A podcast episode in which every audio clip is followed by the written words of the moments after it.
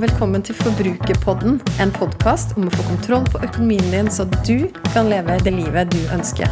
Jeg heter Kjersti Grønseth, er trebarnsmor og økonom, og er kanskje aller best kjent som forbrukerfrue. La oss snakke litt om forbruk, for alt starter med det.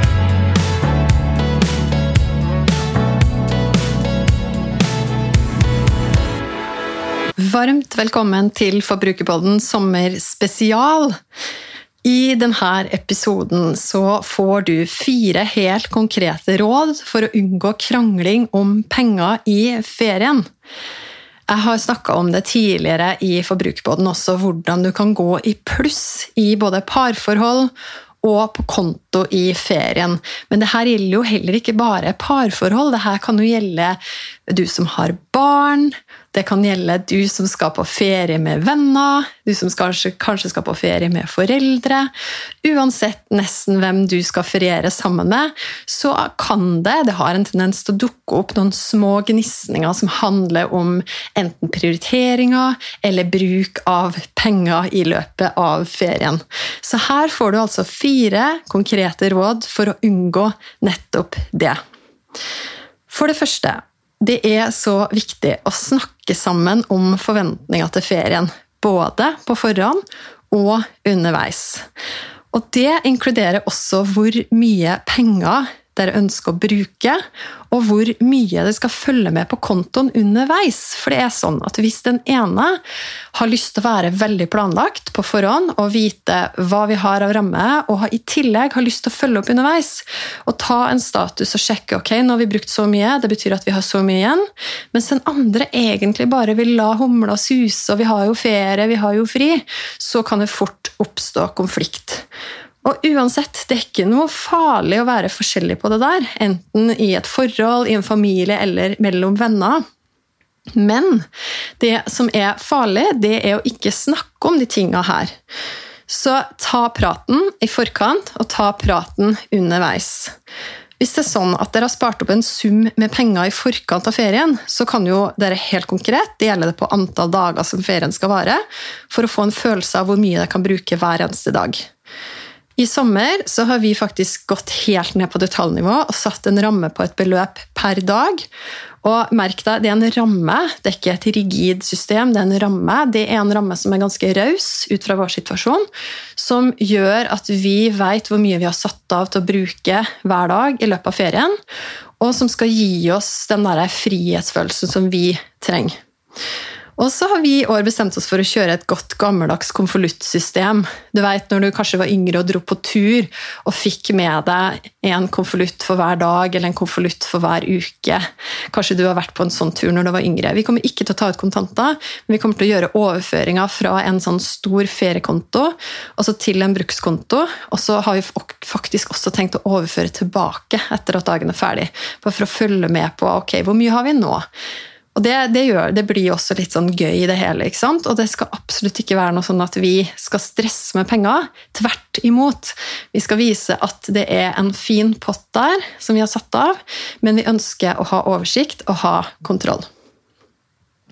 Nummer to Finn ut hva som gir deg og dine glede. Tenk gjennom hva dere som familie eller som par får mest glede av å gjøre. Eller du hvis du også skal reise sammen med noen venner på ferie. Er det det å spise mye ute, eller er det det å ha piknik i parken? Som jo vil ha, naturlig nok, en ganske ulik prislapp. Er det fornøyelsesparker, eller er det gratisaktiviteter? Og da snakker jeg ikke bare om pengeaspektet, da snakker jeg også om hva du faktisk reelt sett får mest glede ut av. Og Mannen min og jeg hadde en samtale om det her for noen dager siden. og Da snakka vi litt om det at når vi drar til en fornøyelsespark som vi tross alt betaler litt penger for, så får vi forventninger deretter. Da forventer vi at ok, wow, det her skal bare blåses av banen. Kanskje gjør det det, kanskje ikke. Mens hvis vi på den andre sida drar eller bestemmer oss for å dedikere en dag til liksom gratis glede eller gratis aktiviteter, eller sånne type ting som Kanskje vi har spurt noen vi kjenner om deres beste tips på en tur, eller et eller annet, som ikke koster så mye. Og så gjør vi det. Da går vi inn med helt andre forventninger. og vet du hva? Ofte så ender vi med at det er de som blir de beste minnene. Men for all del også mange ganger sånn at de tingene som du putter litt penger inn i, det er det som gir deg mest akkurat der og da. Det viktigste er igjen ta praten. Først og fremst være ærlig med deg sjøl, og så med de du skal på ferie med.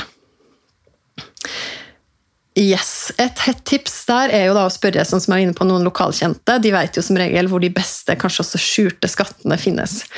Og Tør å tenke litt utenfor boksen, og utfordre gjerne dere sjøl, både når det gjelder mat og aktiviteter.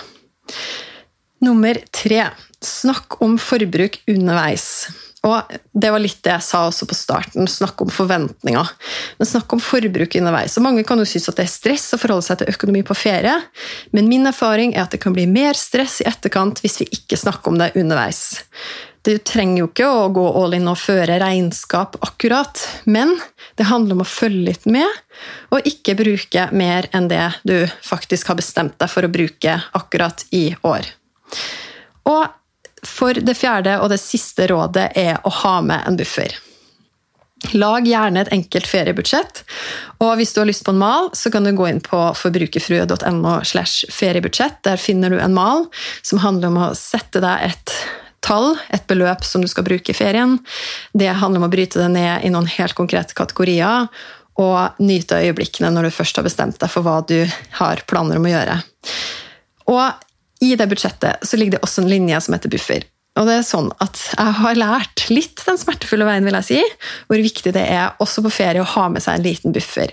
Vi sto nemlig i en parkeringsgarasje en gang på den ferien som ble den lengste ferien vi har hatt noen gang. Vi var i USA fem uker med familien våren 2019. Og det sier jo seg sjøl at når man er fem uker eh, såpass langt hjemmefra, så har man satt av en god del penger til akkurat den turen, og det hadde vi.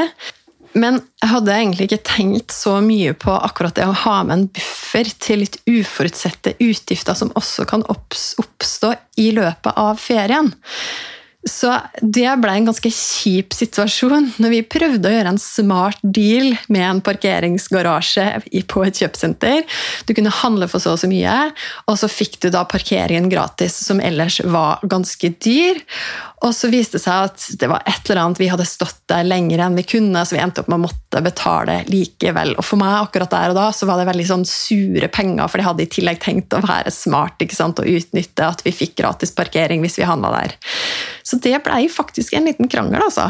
Og etter det så har jeg lært at ha alltid med en buffer, eller jeg rota det til, om du vil, inne i feriebudsjettet. Og det kjære lytter, var de fire råda for å unngå krangling om penger i ferien. Jeg håper du koser deg. Vi høres igjen neste uke. Jeg vil gjerne vite hva du tenker etter å ha hørt episoden. Så koble med meg på Instagram. Der finner du meg som forbrukerfrue. Send meg en melding. Tagg meg gjerne i Story og del episoden her hvis du likte den. Eller send meg spørsmål. Og husk å abonnere på podkasten Forbrukerpodden, så får du beskjed hver gang det kommer en ny episode. Vi høres!